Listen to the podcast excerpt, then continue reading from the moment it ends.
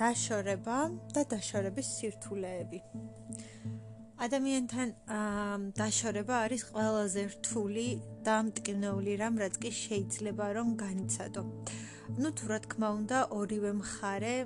არ მივიდა იმ გადაწყვეტილებამდე რომ ორივე მხარეს უნდა და ორივე მხარემ მიიღო შეგნებულად ეს გადაწყვეტილება. თუმცა ამ შემთხვევაშიც კი საკმაოდ მტკივნეული პროცესი არის და საკმაოდ მტკივნეული თემა არის, როდესაც ადამიანს უცბად შორდები და ყველაფერი რაღაც სადღაც მიდის თითქოს. აა ჯერ არის ის რომ რაც არ უნდა იყოს ადამიანებს ვეჩვევით და აა გვინდა თუ არ გვინდა რაღაც კავშირი იქნება, რაღაც საერთო იქნება. აა არის ძალიან ბევრი ამბავი, მოგონება, ისტორიები, რომლებსაც ვიზიარებთ, ისტორიები, რომლებიც ერთმანეთთან გვაკავშირებს, ისტორიები, რომლებიც გვაკავშირებს და ისტორიები, რომლებიც ჩვენია, რომლებიც გვიყვარს, რომლებიც არის ჩვენთვის მნიშვნელოვანი და ის ყველაფერი, რამაც შეგვქმნა და რამაც ძალიან ბევრი რამ განაპირობა, განსაზღვრა და ყველაფერი, რაც ერთ ძალიან დიდ ამბავს კრავს. და ეს დაშორება არის ძალიან ძალიან მტკივნეული. მაშინაც კი, როდესაც ამას გონებით და გონების გადაწყვეტილებით ვიღებთ და რაღაცნაირად ვიცით და ვიაზრებთ, რომ ჩვენთვის და ჩვენი ცხოვრებისთვის შეიძლება იყოს კარგი. და ზოგადად შეიძლება იმ ადამიანისთვისაც და ნუ მოკლედ რაღაცა მიზეზების, რაღაც გარემოებების და რაღაცების გამო ეს შეიძლება იყოს კარგი, ან უბრალოდ არ ვიცი, ან უბრალოდ მივედით იმ გადაწყვეტილებამდე, რომ ასე უნდა მოვიქცეთ. ზოგადად მიზეზი შეიძლება იყოს ძალიან ბევრი. შეიძლება გონებით მივიდეთ ამ გადაწყვეტილებამდე, შეიძლება ურთიერთობა გაფუჭდეს, ჩამოინგრეს, შეიძლება სიტუაციები და რაღაც გარემოებები იყოს ისეთი, რომ სხვანაირად არ ხერხდებოდეს, მაგრამ ნებისმიერ შემთხვევაში არის ძალიან ძალიან მტკივნეული. ხანდახან ისეც ხდება, რომ ურთიერთობა თავისით ცივდება, ცივდება, ცივდება, ცივდება, ცივდება და იმდენად ეტაპობრივად ხდება, რომ ვერც კი ამჩნევთ თითქოს ურთიერთობის მსვლელობისას, მაგრამ ერთი მომენტი არის, როდესაც ამ ყოველფრის წინ დადგები უცბად უეცრად და აი მაშინ ძალიან მკაფიოდ და მაშინ ძალიან ძალიან აა ძალიან გრძნობ მოკლედ იმას, რომ ეს ყოველფერი მოხდა და აა ასე არის. ნუ ნებისმიერ შემთხვევაში მიზეზი რაც არ უნდა იყოს და როგორი ტიპის და როგორი სახის დაშორებაც არ უნდა იყოს, ძალიან მტკივნეულია. იმიტომ რომ გვაკავშირებს საერთო ამბები, გვაკავშირებს მოგონებები, გვაკავშირებს ძალიან ბევრი ისტორია, არის ძალიან ბევრი ემოცია, გრძნობა, ეს განცდები, გრძნობები, რომლებიც ამ ადამიანის მიმართ გქონდა. არის ძალიან ბევრი რამ საერთო და ის კავშირი, რომელიც ამ ადამიანთან გქონდა და ყოველფერი თითქოს უცბად წყდება და ერთ ერთიანად გადაიჭრება თითქოს ყოველფერი და შემდეგ შემდეგ გვაქვს სიცარიელის გრძნობა და სიცარიელის განცდა. ძალიან დიდი დანაკლისის შეგრძნება, რომელსაც ვერაფერს ვერ უშვები და თითქოს ვერც ვერაფრით ვერავსებ და აი ამ სიცარიელეში დადიხარ და არიცი რა ქნა. ყველაზე მტკივნეული არის შემდეგ უკვე მეტნაკლებად რომ გადაივლის ეს ყველაფერი, როდესაც რაღაც მომენტში დგები ისეთ ეტაპზე, როდესაც უკან მოიხედავ და რაღაცები გახსენდება. გახსენდება ერთად გატარებული მომენტები, წუთები, წამები, ის მოგონებები ცოცხლდება, როდესაც რაიმე ნივთსახები, რაც საერთო იყო ან ამ ადამიანთან გაკავშირებდა, ან რაც მან გაჩუქა, აა, როდესაც რაღაც ქუჩაზე გაივლი თუნდაც ან რომელიმე კაფეში შეხვალ, სადაც ერთად დადიოდით, რომელ ქუჩებზეც ერთად სეირნობდით, ნებისმიერი რამ შეიძლება ეს იყოს ნიუთების საგნები, მიმოწერა, ნებისმიერი რამ რაც ამ ადამიანთან გაკავშირებდა, შეიძლება უბრალოდ სიტყვა იყოს და ვიღაცა მახსენოს ეს სიტყვა და უცბად ყველაფერი გაცოცხლდეს და დატრიალდეს. ნებისმიერ შემთხვევაში არის ძალიან ძალიან მტკივნეული და ძალიან სევდიანი. და ის მომენტი არის, რომლის გადალახვაც და რომლის გადაბიჯებაც ძალიან გვიჭირს და გვერცოლდება და გვერცოლდება ზუსტად იმიტომ, რომ ძალიან ბევრი ემოცია არის ამ ყველაფერში და ეს ყველაფერი უცბად გაწყდა, უცბად გადაიჭრა და ეს კავშირი, ეს საერთო თითქოს აღარ არსებობს ისე წაიშალა, ან ეცადე რომ წაგეშალა. აა რამდენიც არ უნდა ვილაპარაკოთ ალბათ ამ თემაზე. მაინც დარჩება რაღაც მომენტები, რაღაც თემები, პატარ-პატარა საკითხები, რომლებსაც ვერც იტყვი და ვერც გადმოსცემ, მაგრამ არის ძალიან მტკივნეული. ძალიან მტკივნეული არის, რაც უფრო დრო გადის და შემდეგ რაღაცა გახსენდება და გახსენდება ის მომენტები, ის ემოციები, მოგონებები, რაღაცა ამბები და უცბად ხვდები და ერთიანობაში იაზრებ, როგორ დაშორდი ამ ადამიანს, რამდენად გაკლია ეს ადამიანი. ძალიან რთული არის ყოველდღიურობაში, როდესაც გახსენდება და როდესაც გაკლია და ხვდები რომ გენატრება ხვდები რომ გჭირდება და ეს ადამიანი უკვე შენთან არ არის, შენ გვერდით არ არის და რაღაცნაირად თითქოს გზები მოჭრილი არის რომ უკან დაბრუნდი, ან უკვე აზრი აღარ აქვს. აა ძალიან რთული არის მომენტი, როდესაც გადის რაღაცა პერიოდი და ამ ადამიანს ხვდები. ყველაზე სევდიანი და ყველაზე მტკივნეული მომენტია, იმიტომ რომ რაღაცნაირად გრძნობ და გრძნობთ ალბათ რომ ერთმანეთის პირისპირით გახართ და მ ხვდებით და იაზრებთ, რომ ერთ დროს ერთმანეთისთვის იყავით ყველაზე ყველაზე ახლო ადამიანები, ერთმანეთისთვის იყავით უახლოესი ადამიანები და დღეს ხვდები, რომ საერთოდ არაფერი აღარ გაკავშირებთ და ყველაზე უხერხული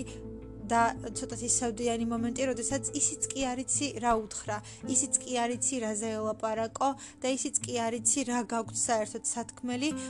და როდესაც აი თუნდაც ეს საუბარი ძალიან ზედაპირულია, რა შვები, როგორ ხარ, ასაკეთებ, როგორ მიდის შენი საქმეები, ახალი რა არის და როდესაც ყველაფერზე გინდა ელაპარაკო ამის გარდა, ან ძალიან ბევრი რამ კითხო, ან ძალიან ბევრი რამ უთხრა, ან გაუზიარო, თუნდაც ის როგორ მოგენატრა, ან როგორ იყო მომენტები, როდესაც ძალიან ძალიან გაკლდა. მაგრამ მაგრამ ყველაფერი შეიძლება რომ იყოს და მოხდეს იმის გარდა, რასაც რეალურად გრძნობ იმ წუთას და ყველაფერს ეტყვი ალბათ იმის გარდა, რასაც რეალურად გრძნობ. ყველაზე რთული მომენტი არის, როდესაც ყველგან და ყველაფერში აწყდები ნიუთებს, საგნებს, მომენტებს, არ ვიცი, ყველაფერს, რაც კი მას ამ ადამიანთან გაკავშირებდა და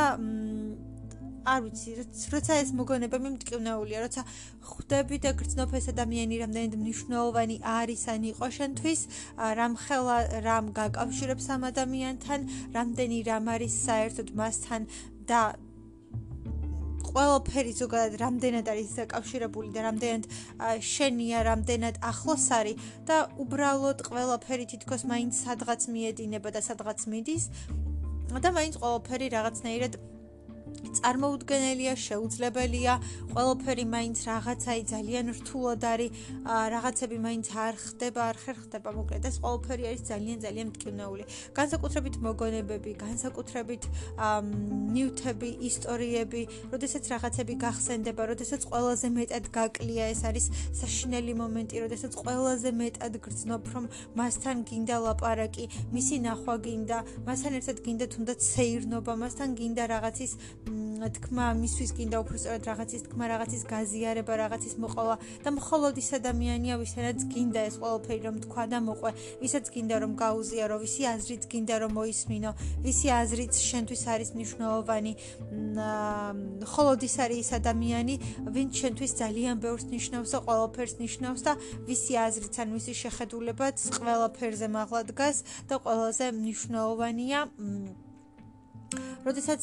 ის კავშირი, რაც მასთან გქონდა, სხვაგან არსად არ არის და არ არსებობს და როდესაც ის არის ერთადერთი ადამიანი, ვისთანაც მსგავსად გიგრძნია თავი, ვისთანაც ეს განცდები, ემოციები გეუფლებოდა,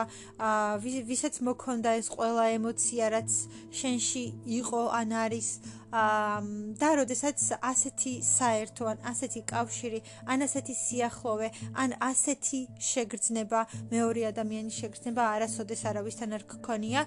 და ის არის ერთადერთი ადამიანი, მაგრამ ამავდროულად რაღაცნაირად გარემოებების ან ვითარებების ან რაღაცების გამო ყოვლად შეუძლებელი არის რომ ეს ყველაფერი მოხდეს, იყოს, დაუშვა და ასე შემდეგ და ასე შემდეგ. და ეს მომენტები არის ყველაზე ყველაზე მტკივნეული, როდესაც ყველაზე ახლო ადამიანი, ყველაზე ახლო და უახლოესი ადამიანი შენთვის უცბად და რაღაც ეტაპზე იქცევა ყველაზე შორეულ ადამიანად და ეს ეს რაღაც ძალიან ცივდება და ძალიან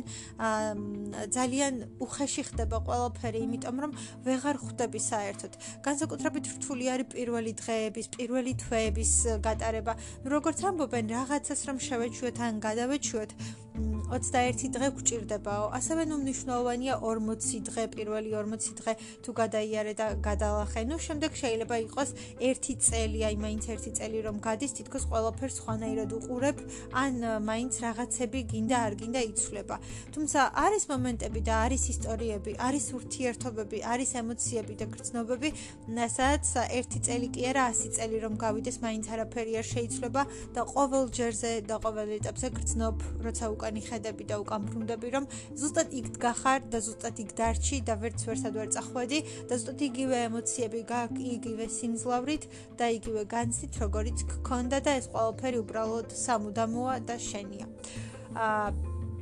თუმცა ხო არის რაღაცა პატარა მომენტები, რომლებიც ყველაზე მტკივნეულ ნაწილებად იქცევიან ხოლმე. როდესაც გრძნობ, რომ ამ ადამიანთან მთელი ისტორია გაკავშირებდა და ახლა არაფერია. როდესაც არის უამრავი ტკბილი მოგონება და გახსენდება გული გევსება სევდით ტკივილით, თან სითბოთი, თან ძალიან ტკბილი არის ყველაფერი, მაგრამ აი განცდა რაღაც გზაგასაყარზე რომ დგახარ, აა ის რომ იყო და ის რომ აღარ არის. ძალიან ტკბილია ზუსტად იმიტომ რომ იყო და რამდენად გემრიელი და ტკბილი მოგონებებია, მაგრამ ძალიან დიდი სევდა მოდის და ძალიან დიდი ტკივილი მოდის ამავდროულად რომ ეს ყველაფერი აღარ არის და შეიძლება შეუძლებელიც არის რომ კიდევ იყოს მსგავსი რამ. აა როდესაც ყველაფერი ამ ადამიანთან გაკავშირებს და თითოეულ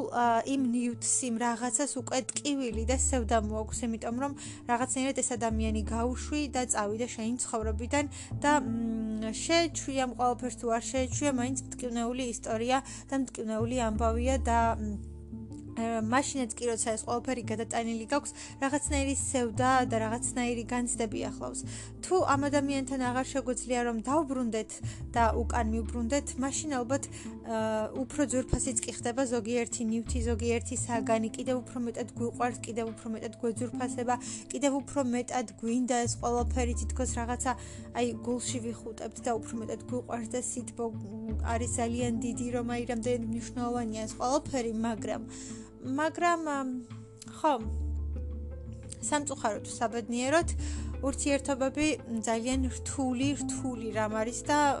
როდესაც დასასრულთან მივდივართ და დაშორებასთან მივდივართ,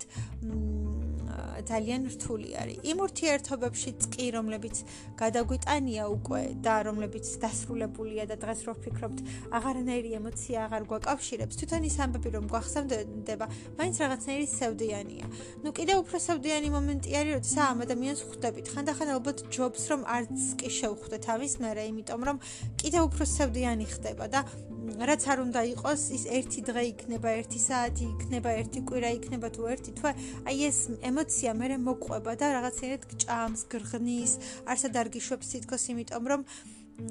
აი როდესაც ხვდები და გრძნობ შენთვის ყველაზე ძვირფასი, შენთვის ყველაზე ახლო მნიშვნელოვანი საყვარელი, ყველაზე ახლო ადამიანი, ყველაზე ყველაზე ახლობელი ადამიანი, ვინც კი შეიძლება და ყოფილიყო ადამიანი, ვისთანაც ყველაზე მეტი კავშირი გქონდა, საერთო გქონდა, აა თითქოს შენი ნაწილი იყო და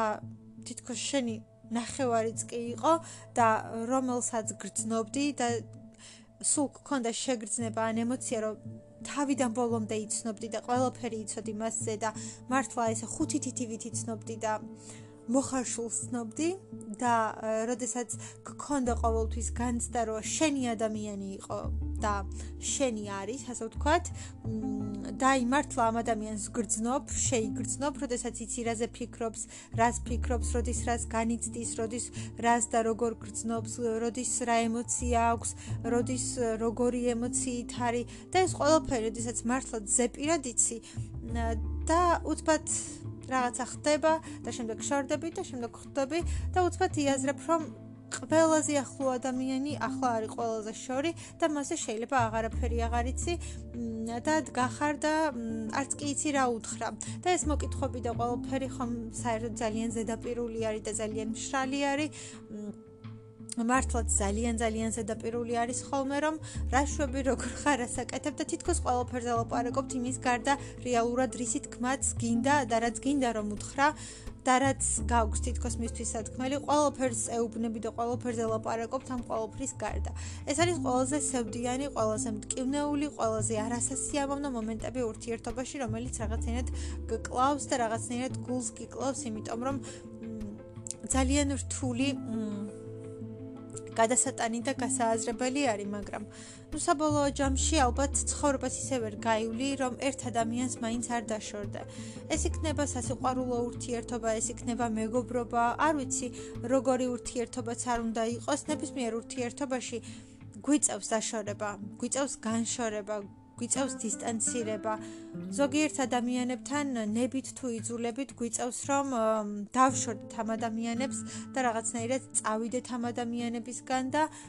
თავისთავად ხდება და თავისთავად ეწყობა ყველაფერი ისე რომ გვიწევს ხოლმე რომ ეს რაღაცა მოხდეს. სხვანაირად არ გამოდის, სხვანაირად არ ხერხდება, სხვანაირად წარმოუდგენელია ან შეუძლებელია, ან უბრალოდ შეუძლებელია რომ სხვანაირად გაგრძელდეს ეს ურთიერთობა. ну მოკლედ ადამიანების დაკარგვა უკვე ნებისმიერ შემთხვევაში გვიწევს 1-ის, 2-ის ზოგიერთ ადამიანთან გვიწევს გამომშვიდობება არ ვიცი, დაშორება და ათასი რამ, თუმცა არის ძალიან ძალიან სევდიანი. ასევე გააჩნია დაშორებასაც აა დაშორებასაც და ამბავსაც რატო და რის გამო მოხდა, მაგრამ რაც არ უნდა იყოს ადამიანები, რომლებიც ძალიან მნიშვნელოვანი ადამიანები და ძვირფასი ადამიანები იყვნენ ჩვენთვის, ჩვენი ცხოვრების გარკვეულ ეტაპზე და როდესაც გადის დრო და ამ ადამიანებს კიდევ ვნახულობთ და ხვდებით, ძალიან სევდიანი და მტკივნეულია იმის განცდა, რომ ეს ადამიანი ერთი პერიოდი ჩვენ ცხოვრებაში იყო ყველაზე მნიშვნელოვანი, უმნიშვნელოვანესი ადამიანი და დღეს უკვე რაღაცნაირად ყველაფერი თითქოს წარსულში დარჩა თითქოს სადღაც მიიკარგა, მიიფანტა და აღარაფერი აღარ გვაკავშირებს და აღარ გვაქვს აღარანაირი საერთო და იმ ყოველფრის გახსენება, რაც იყო წარსულში, კიდევ უფრო მეტ ტკივილს ბადებს და კიდევ უფრო მეტი ტკივილი და სევდამო აქვს, რომ ალბათ ზუსტად იმიტომ, რომ იყო დასრულდა და აღარ არის და ყოველფერი რაღაცნაირად შეუძლებელი ხდება და ეს არის ყველაზე რთული მომენტი. არავის არ უსურვებ ამ ყოველფრის გამოცდას, მაგრამ ისიც ფაქტი არის, რომ ცხოვრებას ისე ვერ გავივლით, თუ ზოგიერთ ტკივილს არ შევეჯახეთ, თუ არ შევეჩახეთ, მაგრამ იმისაც მჯერა, რომ საერთო, როდესაც აქვთ ადამიანებს ეს არასოდეს არ იკარგება, არასოდეს არ ქრება და არსად არ მიდის, ის ყოველთვის რჩება და როდესაც ძალიან ძლიერი კავშირია ორ ადამიანს შორის, ისინი რაც არ უნდა იყოს და მოხდეს, ყოველთვის მონახავენ გზას ერთმანეთისკენ და ყოველთვის დაბრუნდებიან, მაგრამ ადამიანები, რომელთაც ვშორდებით და მაინც გავდივართ ამ ტკივნეულ მომენტებს, ალბათ უფრო სხვა კუთხით უნდა შევხედოთ, უფრო ალბათ ისე, რომ ეს იყო ჩვენთვის გაკვეთილი, რომელიც უნდა გვესწავლა და გაკვეთილი ადგილი, რომლის მერეც უნდა გავზრდელიყავით და უბრალოდ მივიღოთ ცხოვრებისეულ გამოწვევად და გაკვეთილად, რომლის შემდეგაც ჩვენ უბრალოდ უკეთესები უნდა გავხდეთ და არც ისე სევდიანად ჩავხედოთ, იმიტომ რომ ამ ემოციებს კარგი არაფერი მოაქვთ და კიდევ უფრო მეტ სევდას და სინანულს და ტკივილს ბადებენ და ასეთი ემოციები არც არავისთვის არ არის კარგი, ამიტომაც თუ უფრო პოზიტიურად შევხედავთ ყოველ შემთხვევაში გარკვეული დროის გასვლის შემდეგ, ჩვენთვის უკეთესი იქნება თუ ამ ყოველფერს პოზიტივით შევცვლით და ძალიან დიდი პოზიტივით ჩავანაცვლებთ.